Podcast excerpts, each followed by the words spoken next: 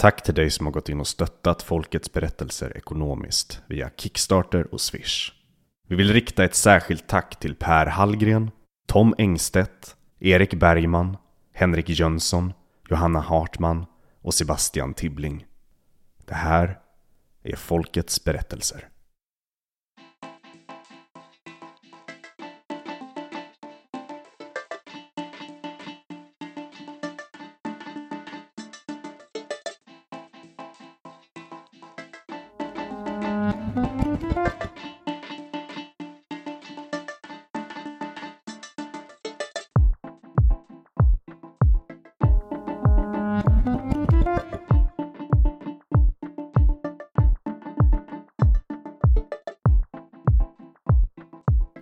Berättelse i Folkets berättelse.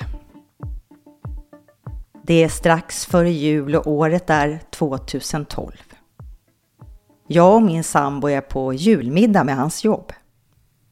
Här är det ingen som känner till Lisas livsval.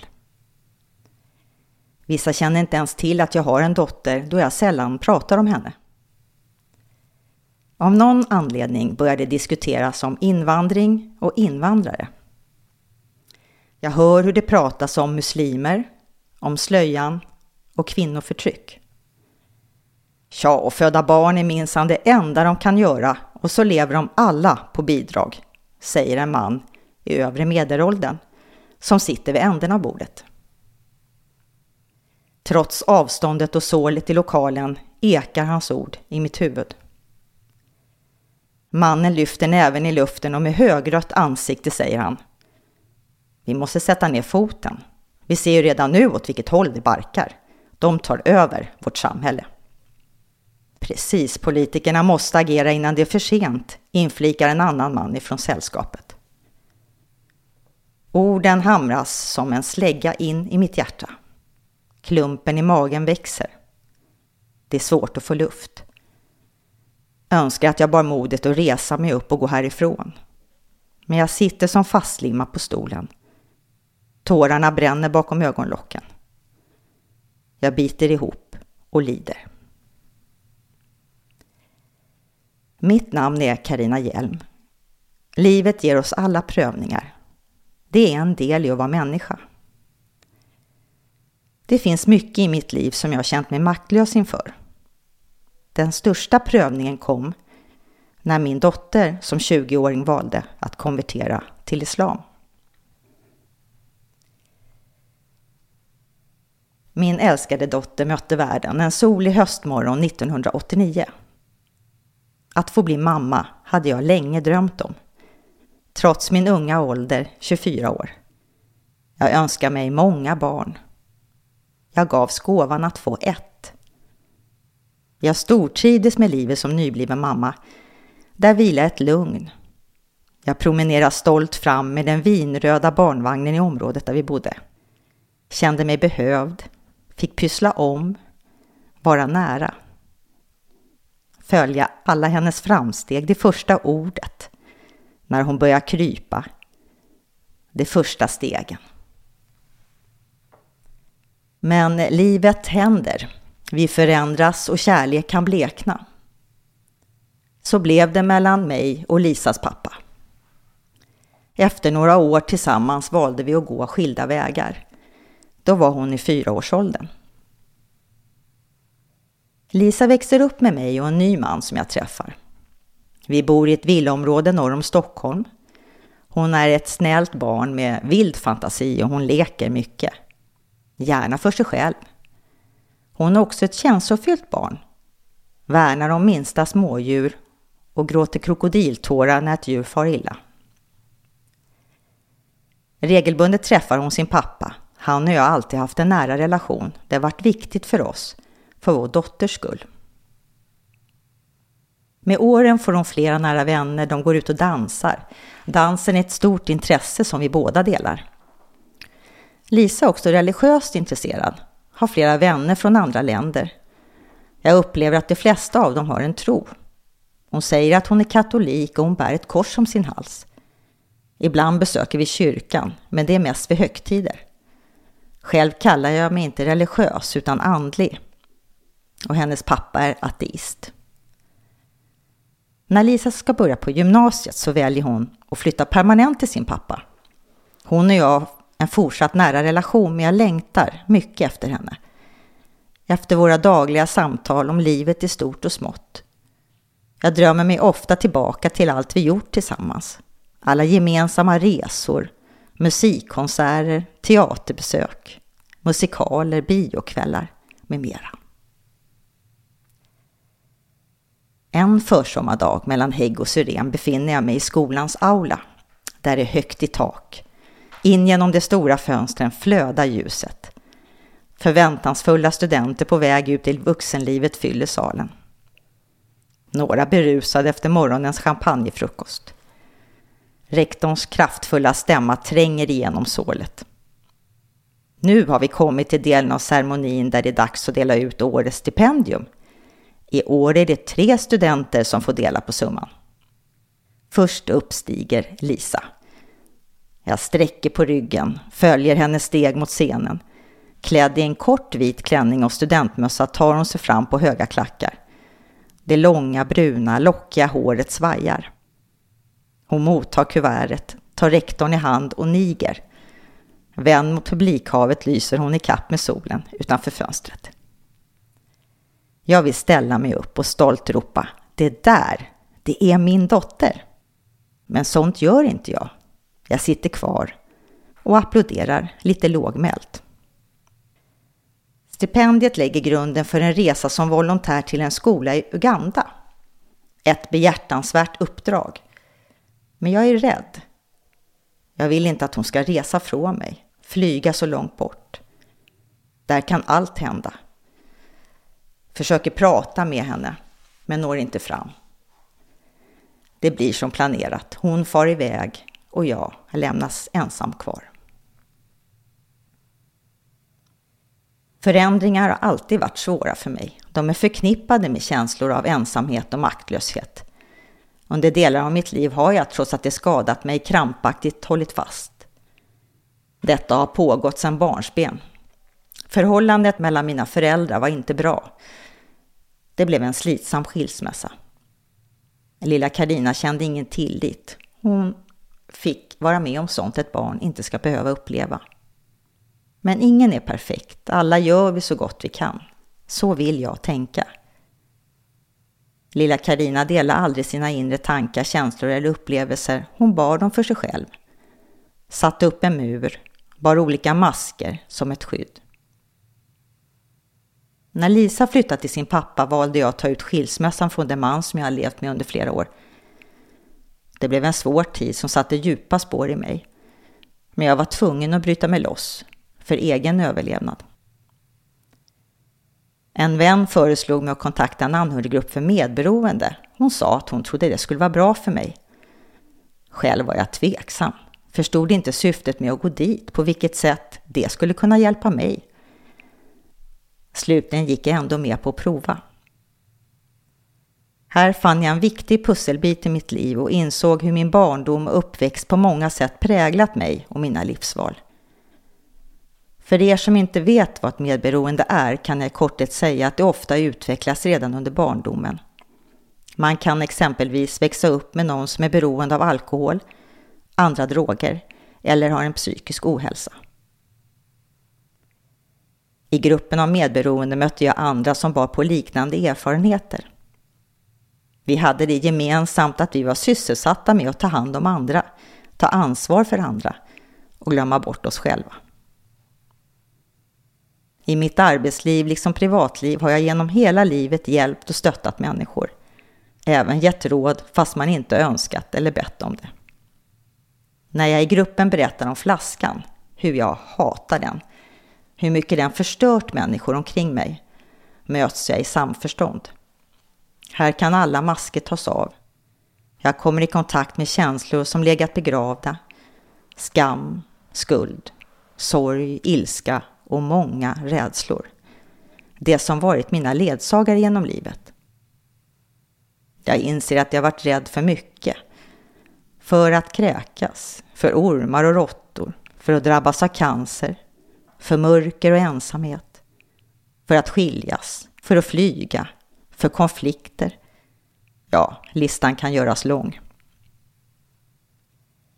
Jag lär att vi alla har rädslor, att vi föds med två, för höga ljud och för att falla, men att rädslor också ärvs genom livet.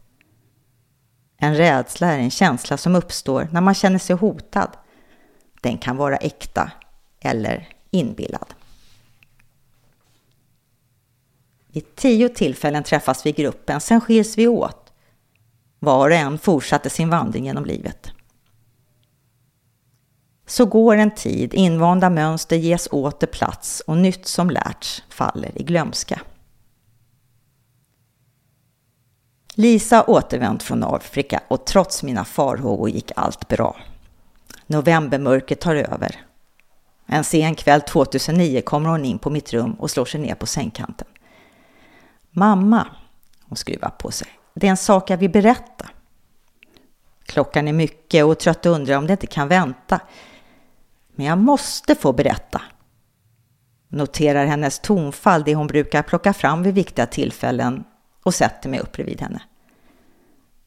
Hon lägger sin hand på min och sen kommer allt i ett och samma andetag. Jag har stämt möte med en imam imorgon och jag vill konvertera till islam.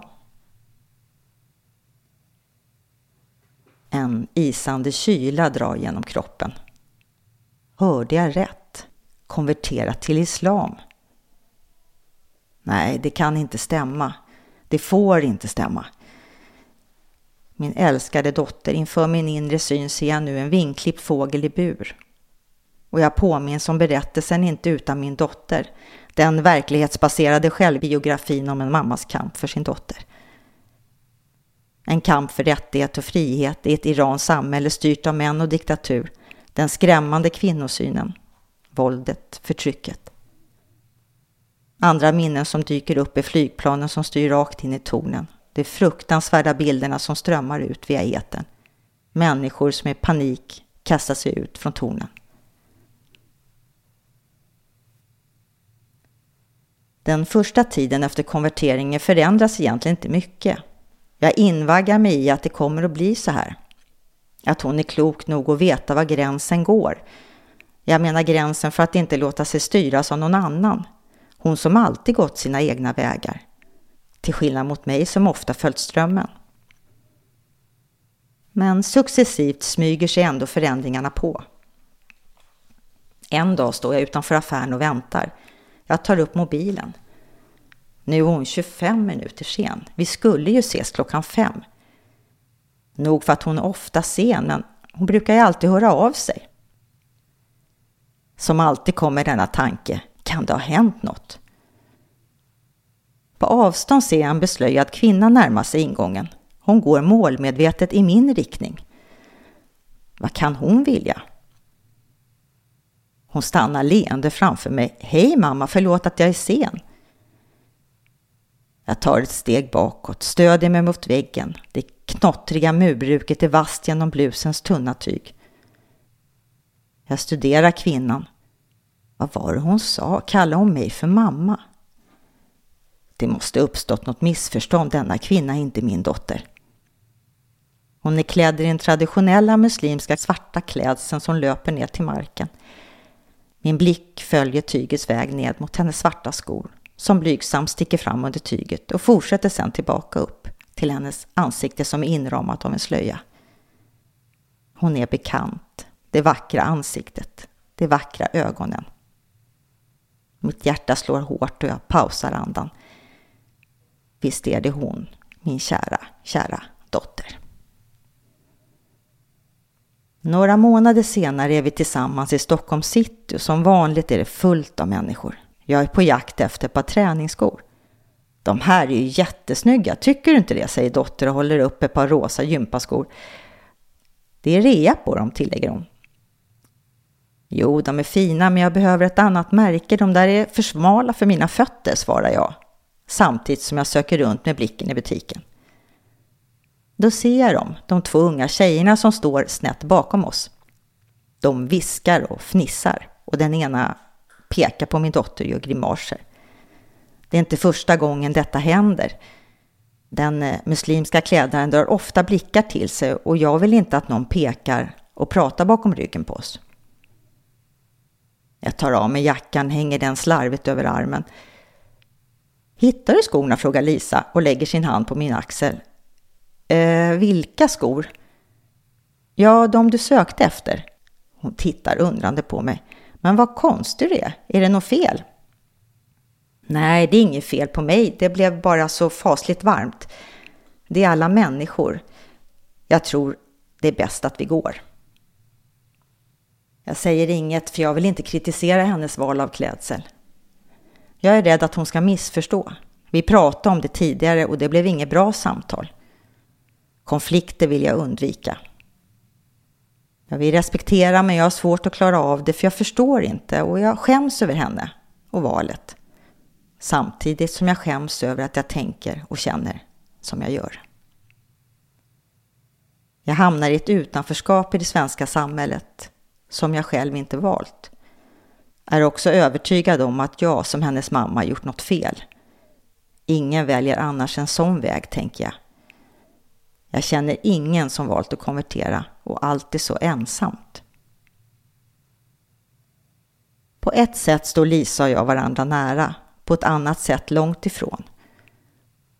Hon lyser som solen, stolt över sitt beslut, över sitt val att få bära slöjan och få följa sitt hjärta, sin livsväg. Och jag vill så gärna vara stolt med henne. Omgivningens frågor, bär hon slöja, täcker hon ansiktet, var det en man som ville det? Det är de vanligaste frågorna jag möter och jag orkar inte med dem. Skammen och skulden blir en tung ryggsäck att bära. Till slut väljer jag att som musslan krypa in i skalet och där är jag en längre tid. Så fort Lisas namn kommer på tal byter jag snabbt ämne. Sorgen ständigt närvarande. I min ensamhet kryper jag ner i sängen, drar täcket över mig. Där stillas kroppens inferno för en stund. Världen stängs ute. Stela leenden släcks ner och tårarna får ta plats. Ibland känner jag att jag inte orkar gråta mer, men efter varje gång så lättar ändå trycket över bröstet och magen. Under täcket ges tankar fritt spelrum. De kan vandra till en lång vit sandstrand någonstans vid Medelhavet där vågorna möter strandkanten och fötterna vilar i varm sand. Lisa sitter bredvid mig på filten och jag smörjer hennes brunbrända rygg, är extra noga med solkrämen på axlarna då det lätt bränns. Allt spelas upp som en romantisk film. Tider då livet lekte. Tänk hur bra det var och tänk hur bra allt skulle kunna vara. Tänk om hon en dag säger att hon ångrat sig. Då kommer allt bli som vanligt igen. Jag saknar dig, älskade dotter, mer än vad du någonsin kan ana. Sensommaren 2012. Jag och min nuvarande sambo befinner oss i norra Sverige i min extramammas föräldrahem. För ett par år sedan avled hon. Huset är nu i min ägo. Som liten vistades jag här varje sommar. Det har även Lisa gjort. Här finns många minnen. Min pappa som är död sedan flera år, han sa alltid den här platsen är paradiset på jorden. Här är traditioner djupt rotade och det är som tiden står stilla. I det stora vackra köket dyker minnen in. I järnspisen knastrar och sprakar det från björkveden den som pappa en gång huggit. På väggarna hänger teckningar som Lisa gjort till morfar och extra mormor. På byrån står ett foto på henne när hon var i fyraårsåldern. Leende bär hon en midsommarkrans. En krans flätad av vana fingrar med allsköns blommor från sommarängen. Sen hängdes kransar upp på tork för minnen, det ska här för evigt bevaras. Sen ett par år tillbaka firar inte Lisa midsommar. Ej heller påsk, jul och födelsedagar. Nej, hon firar inga svenska högtider. Istället firar hon de muslimska. Det blev en sorg för mig, alla dessa förändringar. Att behöva fira utan henne. Lisa och hennes man, hon är nu gift, funderar på att komma på besök under sommaren. En del av mig önskar innerligt att de kommer, men en annan del känner tveksamhet. Den delen som känner tveksamhet oroar sig över att det kommer pratas i bygden om hennes livsval, om slöjan och så vidare. Det vill inte jag. En vecka går, sen ringer Lisa och berättar att fastemånaden Ramadan påbörjats och att det nog tyvärr ändå blir bättre att vänta till nästa sommar. Jag hör mig själv svara Ja, det är nog lika bra att vänta. Axlarna sjunker från öronen och jag andas ut. Senare på kvällen återkommer smärtan och skavet. Varför bryr jag mig så mycket om vad andra tycker? Jag ville ju att de skulle komma. Jag längtar efter henne. Genom livet har jag alltid haft en inre drivkraft. Den tror jag hör ihop med överlevnad. Det är en röst som börjar kalla på förändring. Först viskar den lite lågmält. Lyssnar jag inte återkommer den i styrka. Som jag tidigare nämnt har jag haft svårt med förändringar. Samtidigt vet jag av erfarenhet att en förändring oftast medför något bra för mig. Som 46-åring väljer jag därför att byta riktning i livet. Det faller sig ekonomiskt så att jag ges möjlighet att säga upp mig från en fast tjänst som biståndshandläggare inom kommunen. Istället omskola mig ett år inom friskvård. Jag går en utbildning till hälsocoach, bygger sedan på med utbildning inom yoga och meditation. Yogan har funnits med mig några år och den stärker och helar mig. På mattan kommer jag i kontakt med mitt inre och där möter jag olika känslor. Annat som jag mår bra av är träning och att vistas i naturen.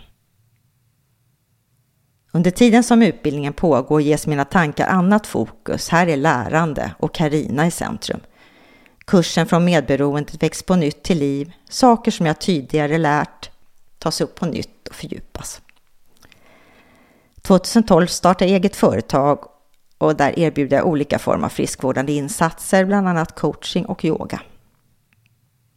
Så bygger jag vidare mitt livspussel. Jag går ett tolvstegsprogram, Livsstegen, arbetar en period som volontär hos Mind, en ideell förening som arbetar för samhället som främjar psykisk hälsa.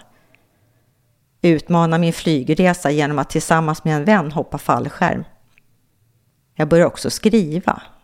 Det blir som terapi för mig. Allt utmynnar i en självbiografisk roman som jag ger ut 2018. Islam, min dotters val. Mellan åren 2018 till 2021 arbetade jag perioder på sluten anstalt för män. Där leder jag bland annat yoga för de intagna. Att jag skulle jobba på anstalt var tidigare otänkbart. Men nu blåser det nya vindar. Under dessa år ges jag många nya insikter och lärdomar.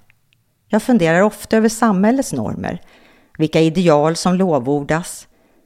Jag tänker på föräldrarna till de som sitter i fängelse och på barnen vars föräldrar vistas där, på hur de mår och hur de känner sig. På min egna upplevelse av att vara ett utanförskap. Och så tänker jag på alla de som av olika anledning inte innefattas i normen och inser att jag är långt ifrån ensam om att befinna mig i utanförskapslandet. Något annat underbart som sker under denna tid är att jag blir mormor. Det brukar kallas för livets efterrätt att få barnbarn. Och så är det verkligen. Varje barn är en stor gåva. Det finns fortsatt ouppklarade saker under dessa år och jag ges fortsatt nya prövningar, nya planer, nya resmål dyker upp. Om och om igen måste jag påminna mig själv om att detta är Lisas livsval. Men jag funderar fortfarande på varför hon just valt den här vägen. Den känns som en svår väg att vandra och i mina ögon fanns flera andra bättre val. Sorgen och rädslorna fortsätter komma på besök, om än inte lika ofta. Och skavet finns där. Det är något som jag inte lyckas få fatt i, det känner jag. Ända sedan konverteringen så ber Lisa fem gånger om dagen. Som utövande muslim gör man det. Och jag har många gånger funderat över det, varför hon behöver göra det. Jag ser det som en börda, något pliktskyldigt. Jag sitter i soffan med ett av mina barnbarn i knät och snusar på hennes hår, smeker den lena huden och studerar hennes små fingrar. Lisa bär det yngre barnbarnet i famnen. Hon står på vardagsrumsgolvet, axel mot axel med sin svägerska. De knäböjer, bugar sig mot jorden, som de alltid gör vid bönen. Plötsligt känner jag en värme fylla mitt inre. Den sprider sig in i minsta lilla cell i kroppen. För första gången sedan Lisas konvertering upplever jag en stillhet och djup innerlighet. Jag förstår nu den kärlek som de känner till sin Gud och det slår mig att det finns likheter med deras bönestund och min stund på yogamattan. Kanske handlar allt om att nå en inre frid, men att tillvägagångssättet skiljer sig åt. Några veckor passerar. Lisa hör av sig och frågar om jag vill följa med på en fest för kvinnor. Gärna, svarar jag glatt. Men så fort vi kommer dit ångrar jag mig. Jag tycker att allas blickar riktas mot mig. Alla kvinnor bär täckande kläder och jag är den enda med bara armar och ben. Samma kväll kommer tankarna smygande. Jag kände mig iakttagen och malplacerad trots att ingen kommenterar min klädsel. Var kommer den känslan ifrån? Varför dyker den ständigt upp? Insikten når mig som en blixt från klar himmel. Det här handlar ju om mig, ingen annan. Om mitt behov av att känna tillhörighet och om fortsatt obearbetade saker inom mig. Även om mina förutfattade åsikter. När jag förstår det smärtar det än mer. Skulle jag bära på fördomar? Jag som ser mig som en öppensinnad själ. Jag läser om fördomar och det står att en fördom är en åsikt som inte är grundad på fakta, att människan är ett flockdjur, att vi upplever oss tryggare med dem som liknar oss själva och att det endast tar sju sekunder att placera en person vi möter i ett fack. Fördomarna bottnar sig i känslomässiga, ofta omedvetna reaktioner. Vidare står att fördomar fyller en funktion när vi snabbt behöver bedöma en situation som hotfull eller inte. Och att hjärnan då tenderar att dra slutsatser baserade på allt för knapphändig information. Samt att vi människor drivs av en vilja att förenkla. Det är bakgrunden till att vi grupperar, kategoriserar och generaliserar. Jag vill inte vara fördomsfull, vill inte vara dömande. Inser att jag behöver lära mer, lära nytt, lära om. Jag vill också släppa min dotter fri, finna acceptans till hennes livsval. Om jag släpper henne fri kan jag förhoppningsvis släppa mig själv fri. Den kvällen beslutar jag mig för att söka mer kunskap. Kanske ska jag besöka en moské för att prata med en imam. Ja, säger jag högt för mig själv. Självklart ska du göra det. Nästkommande morgon går jag till biblioteket. Jag lånar böcker om religion. Där står att religionen är lika gammal som mänsklighetens historia. Att den ger svar på metafysiska frågor om vad som händer efter döden och varifrån vi kommer. Den kan även tillhandahålla svar på existentiella frågor och erbjuda skydd mot rädslan för att dö.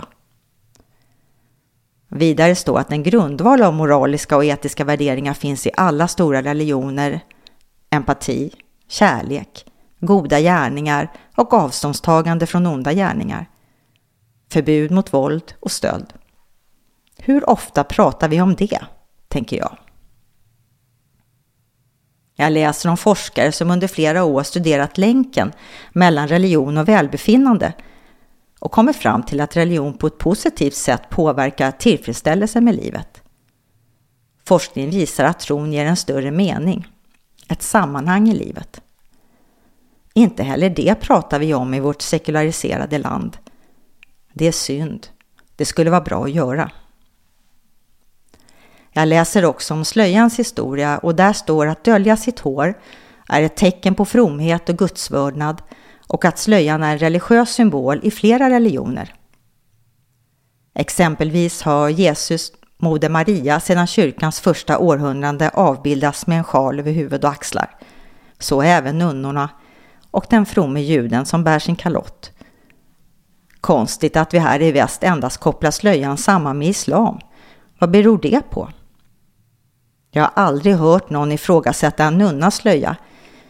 Kan det vara så att nunnans slöja ses som ett frivilligt val medan den muslimska kvinnans slöja ofta likställs med förtryck? Alla de kvinnor som jag känner väljer själva att bära sin sjal.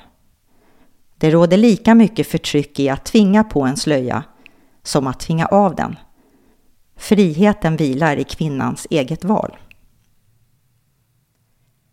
En annan dag besöker jag en moské och samtalar med en imam. Jag vill veta hur en konvertering går till och lära mig mer om islams fem pelare. Han besvarar tålmodigt alla mina frågor. Det blir ett fint möte. Under det år som gått har han och jag mötts i flera olika sammanhang. I år är det 13 år sedan min dotter gjorde sitt val. Under den här tiden har jag följt samhällsutvecklingen. Vi och dem har blivit vardagsmat och vissa grupper utpekas som syndabockar. Det är illavarslande, det har historien visat. Jag tänker ofta på framtiden, hur den kommer bli för Lisa, barnbarnen, svärsonen och mina muslimska vänner. Jag känner sorgen över utvecklingen. Den känslan vet jag att jag inte är ensam om att bära. Vi är många som oroar oss över hatet och det kalla samhällsklimatet. I Brås brottsförebyggande rådets rapport från 2021 framgår att hot och ofredande är vanliga brottstyper vid islamofobiska hatbrott, men även hets mot folkgrupp. Och att risken för att utsättas för hatbrott ökar om man exempelvis bär olika former av religiös klädsel på allmän plats. Jag drömmer om den dagen när vi lärt oss att respektera varandras olikheter och olika livsval. Var och en går vi egna skor. Vi vet inte hur det är att vara någon annan än oss själva. Det är värt att påminna sig om. Jag har genom Lisas konvertering fått lära mig mycket. Idag är jag så stolt över henne att hon vågar ta steget och följa sitt hjärta. Det kräver mod och inre övertygelse att gå den väg som hon valt. Jag känner inte längre skuld. Det är en gåva att försonas med sig själv. Befriande att tänka att jag gjorde så gott jag kunde. Ordspråket att tiden läker sår är jag inte säker på, men om saker får sin tid att mogna ser vi det ofta i andra färger.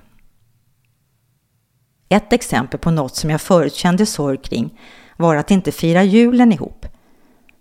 Jag har fortsatt att fira jul, men tillsammans med andra. Och sorgen är nu ett minne blott. Numera kan jag också tycka att julen är en ganska kommersiell högtid, liksom även andra svenska högtider och traditioner. Fokus ligger ofta på presenten, njutning av mat samt alkoholhaltiga drycker. När det viktigaste egentligen handlar om att få umgås och få vara tillsammans. Som utövande muslim dricker man ingen alkohol det tycker jag känns bra. Och jag känner tacksamhet över att få delta i de muslimska högtiderna. Det får mig själv att växa som människa. Mångfalden berikar mig. Numera lever jag efter mottot att livet är en ständig ström av lärande. Vi blir aldrig färdiga och det är som det ska, som Thomas Tranströmer en gång klokt skrev. Jag tränar mig i att släppa taget, inte hålla fast vid det som inte känns bra för mig. Medveten om att vi ofta bär på förväntningar och att livet sällan blir som vi tänkt oss. Jag hoppas att min berättelse kan väcka tankar till liv. Min dröm är att bygga mänskliga broar. Detta är min gåva till världen. För jag tror på det som Björn Attiko sa. Meningen med livet är att hitta sin gåva och sen ge bort den. Ord från Lisa. I Uganda levde jag i det enkla. Där började jag fundera över livets verkliga mening. När jag läste Koranen var jag till en början kritiskt inställd, fylld av fördomar. Likt många i västvärlden. De första surorna jag läste förstärkte faktiskt fördomarna men det var ändå som att jag sökte efter svar som jag ännu inte hittat så jag fortsatte att läsa. Till en början av ren nyfikenhet, men ju mer jag läste, desto mer växte intresset. Kärnan i islam, sättet att se på Gud, på själva skapelsen, är annorlunda mot kristendomen och det var framförallt det som lockade mig. Orden från Gud talade direkt till mig. Det är svårt att beskriva. Jag tror det måste upplevas. Det svåraste med mitt val var att jag sårade dig mamma och pappa och mormor och andra nära och kära. Jag vet att ni oroat er, speciellt kring slöjan. Jag önskar att jag kunde gjort förändringen mer gradvis, men det var en kamp för oss alla. Det finns de som menar att livsstilsförändringar i grunden handlar om att man är missnöjd, att man vill förändra sitt liv på grund av det.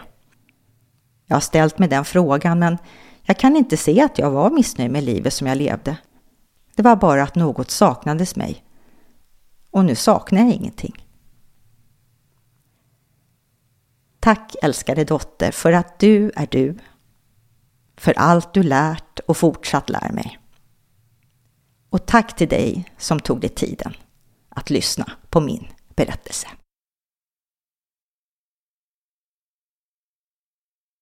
Jag tänker så här. Mm. Jag testar en grej. Jag har ett förslag. Att jag tar den här. Ja. Och lägger den här. Ja. Så. Du har ju berättat den här berättelsen under lång tid som du säger. Du kan den. Eh, du har liksom till och med sörjt klart den här liksom relationen till dottern och, och, och så. Så att jag är nyfiken på ifall det finns någonting som du inte har berättat. Som du skulle vilja ta tillfället i akt att berätta. Och jag skulle också vilja be dig att berätta den en gång till. Det som jag har läst upp, att ja. jag ska göra det en gång till. Mm. Mm. Men att du berättar den precis här där du befinner dig just nu. Mm. mm. Till mig. Mm. Utan att försöka memorera vad du har skrivit. Utan härifrån. Och plantera den frågan ifall det finns någonting som du inte har berättat. Så finns det möjlighet att göra det nu. Om det dyker upp någonting. Vill du att jag bara fritt pratar? Eller vill du ställa frågor? ja men precis, det, det, ja, exakt. Jag kan ställa frågor ifall, ifall det dyker upp någonting. Jag kan liksom... Mm. Hör jag någonting som jag, som jag är nyfiken på så kan jag ju ställa den frågan till dig. Men att du tar det från början. Och, och, och, berätta för mig och, och Victoria här och nu. Mm. Samma berättelse. Mm. Men eh, utan att ha liksom pappret i handen. Mm. Mm. Vill du testa? Mm. Det blir som det blir. Mm. Jag ska Exakt. bara ta en klunk te. Vill du ha, vill du ha, mer, vill du ha mer te? Nej, det är bra tack. Jag har, ja. jag har vatten där. Du har vatten. Ja. Det ska jag dricka. Det har jag inte rört. Dålig på att dricka vatten. Eh, ja. Ja, då, eh, då funderar jag på om jag ska börja med den där inledningen. Där, det vet jag inte riktigt då. Nej, jag börjar med en annan inledning tror jag. För att det, ja. Jag vill inte tänka att, Nej. att texten... Det får bli som det blir. Exakt, vi har, så här, vi har texten. Ja. Den finns inspelad. Ja. Så den kan du testa och släpp den. Mm. Och... Go with the flow. Exakt, mm. exakt. Det är just det. Då måste man härifrån så måste man ner yes. mm. Eller måste och måste, men det underlättar. Mm. Här är min berättelse i Folkets berättelse och jag heter Karina Hjelm. En god vän till mig sa en gång att vi är levande böcker på två ben. Att vi alla har en berättelse värd att lyssnas till. Och det här är då min berättelse. För 33 år sedan så föddes min kära, kära dotter. Jag älskade att bli mamma och jag var bara 24 år men jag hade länge drömt om att få barn. Jag ville ha många barn och det blev en dotter, en stor gåva. Och jag tyckte väldigt, väldigt mycket om att vara mamma. Den här första tiden med henne de här första åren. Alla, att få vara där med henne, nära henne. Det var en fantastisk tid, en väldigt lugn och fridfull tid i mitt liv som tidigare hade varit ganska så jobbigt och stökigt och oroligt på olika sätt och vis. Men där fann jag verkligen ett lugn.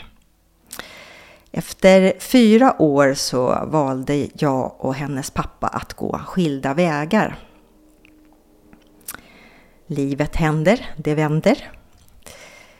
Och så blev det att vi valde att gå skilda vägar. Men hon fortsatte sen att leva, eller växa upp rättare sagt, tillsammans med mig.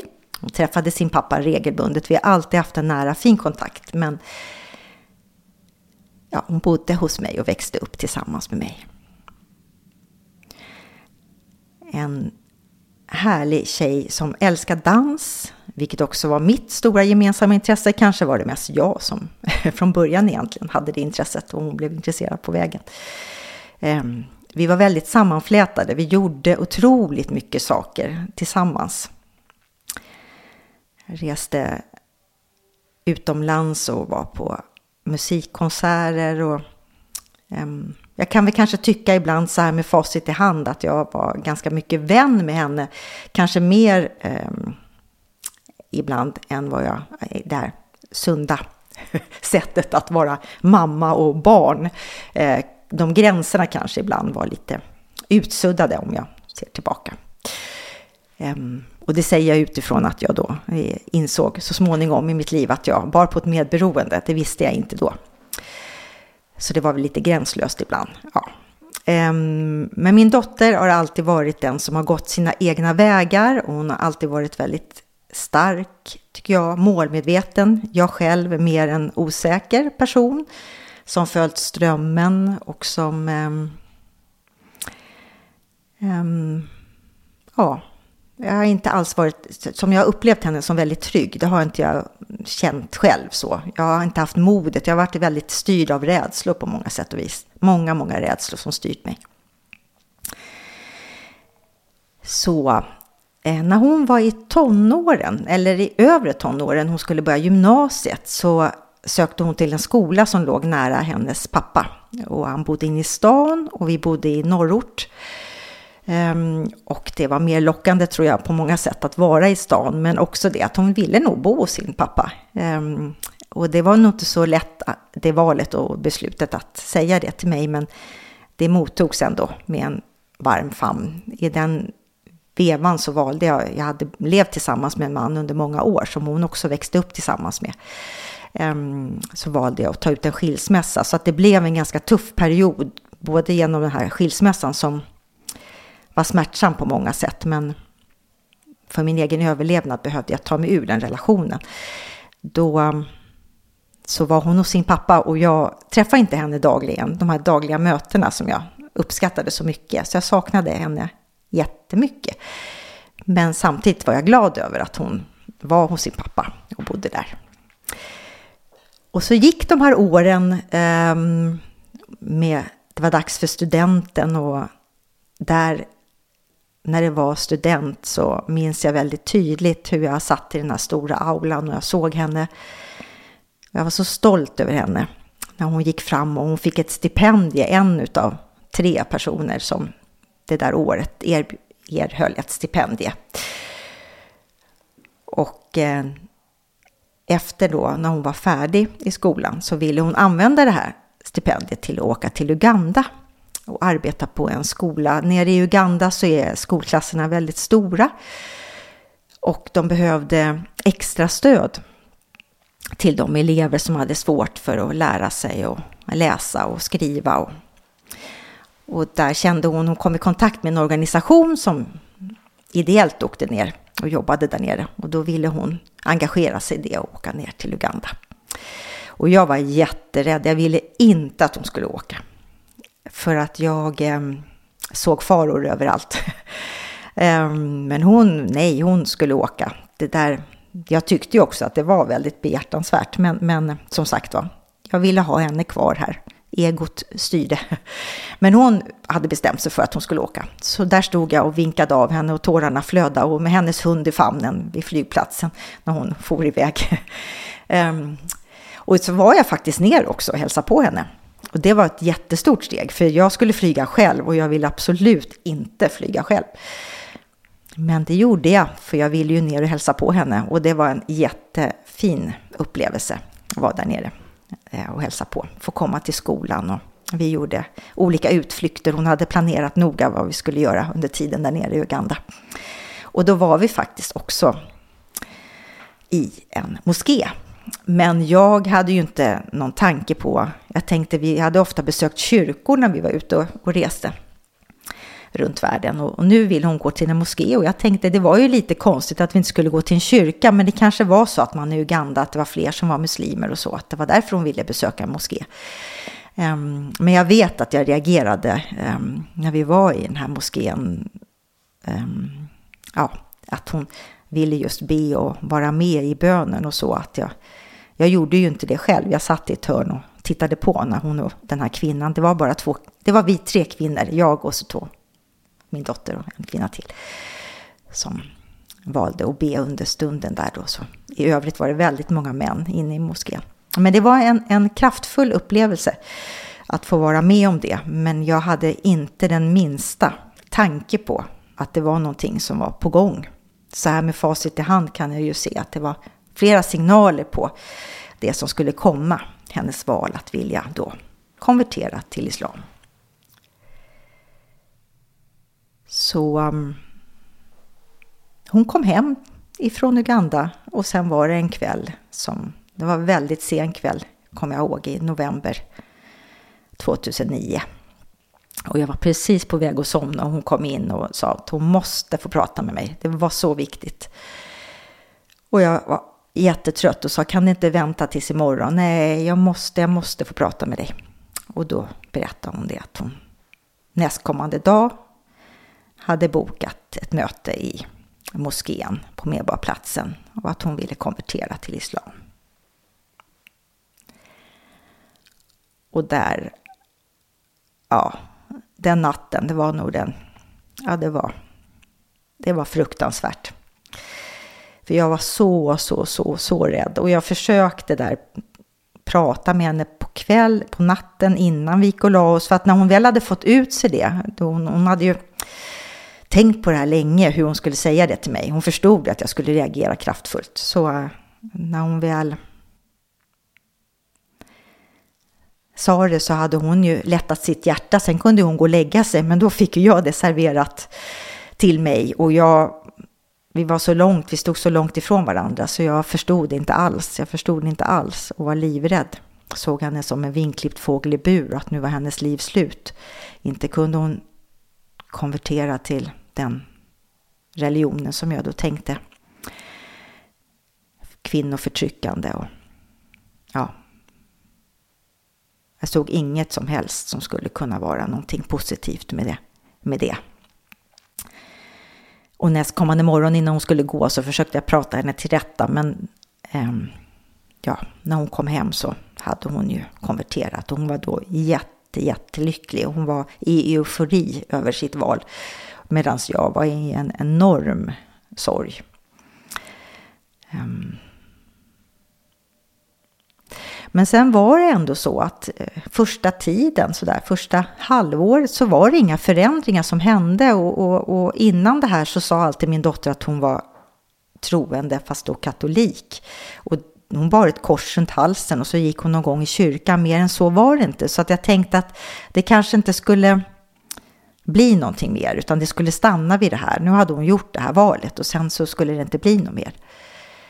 Men så blev det inte, utan förändringar smög sig på successivt allt eftersom.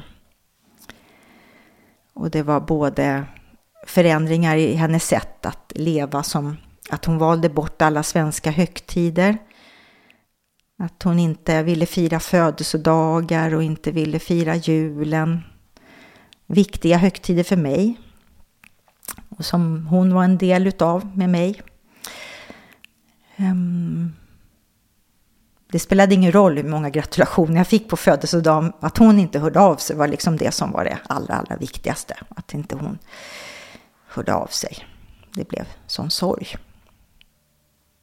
Och sen var det så svårt för att eh, när hon väl också började bära hijaben, slöjan och abayan då, den här muslimska klädnaden.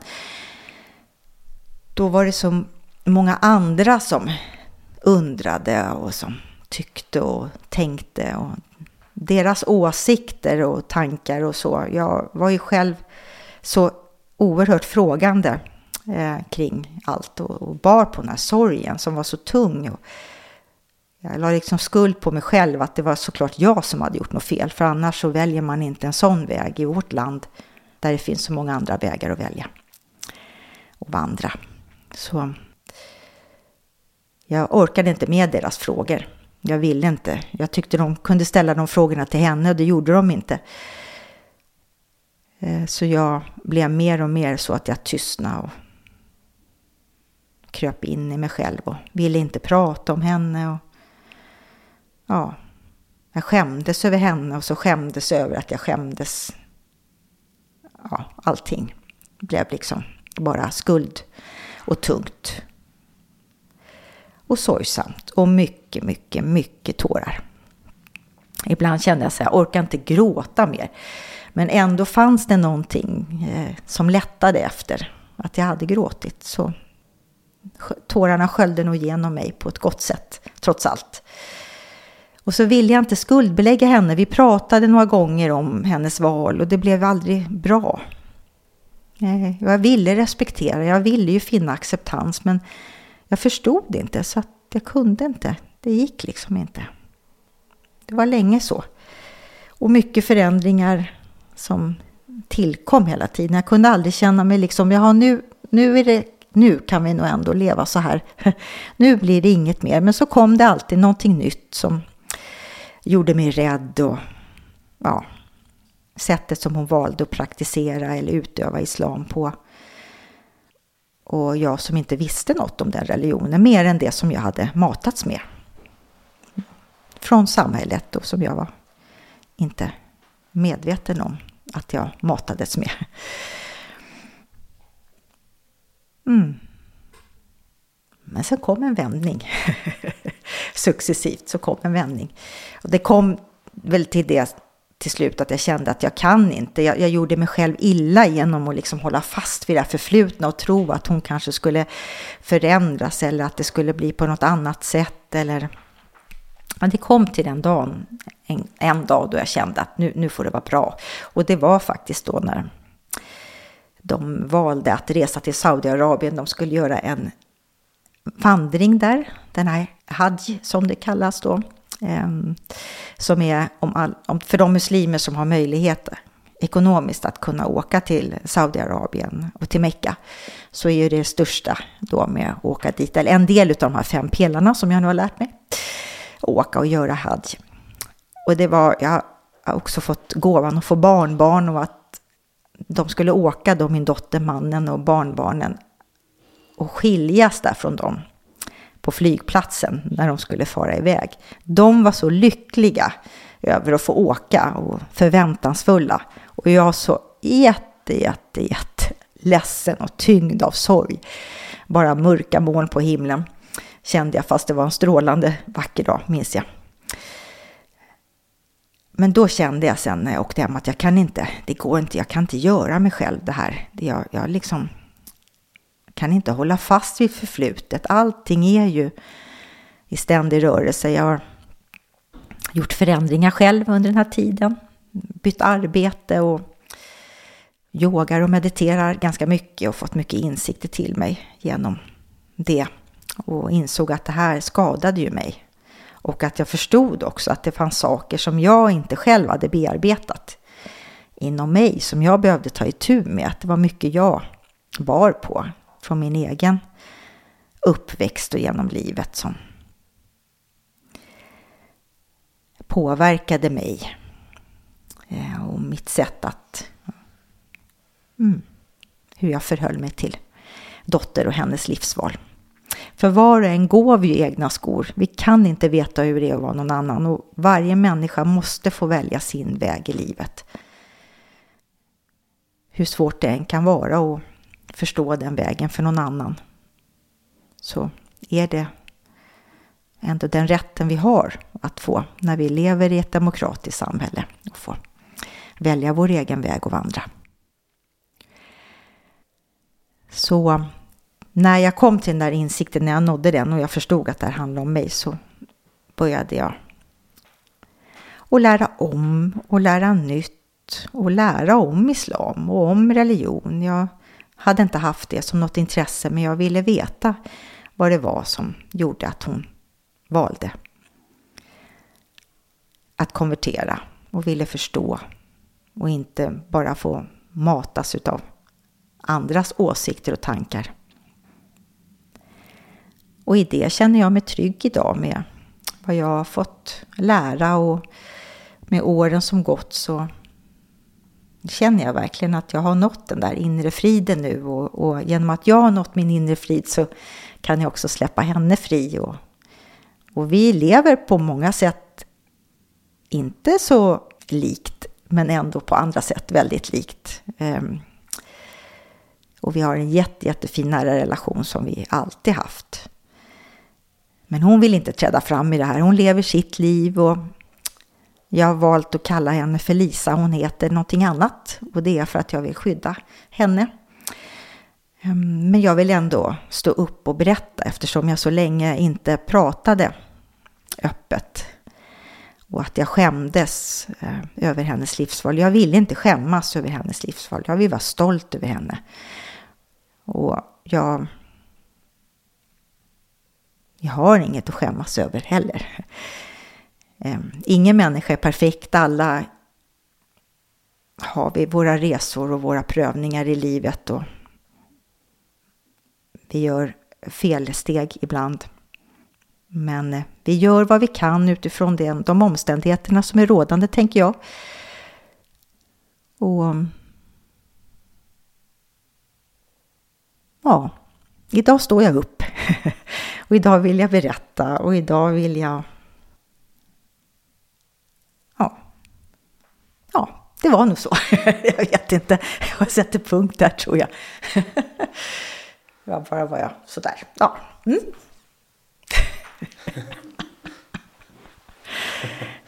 wow. det blev många. Blup, bop, bop, bop. Jag vet inte. Nej, jag tyckte du... så. Nej, men, men jag hörde dig. Ja, tack. mm.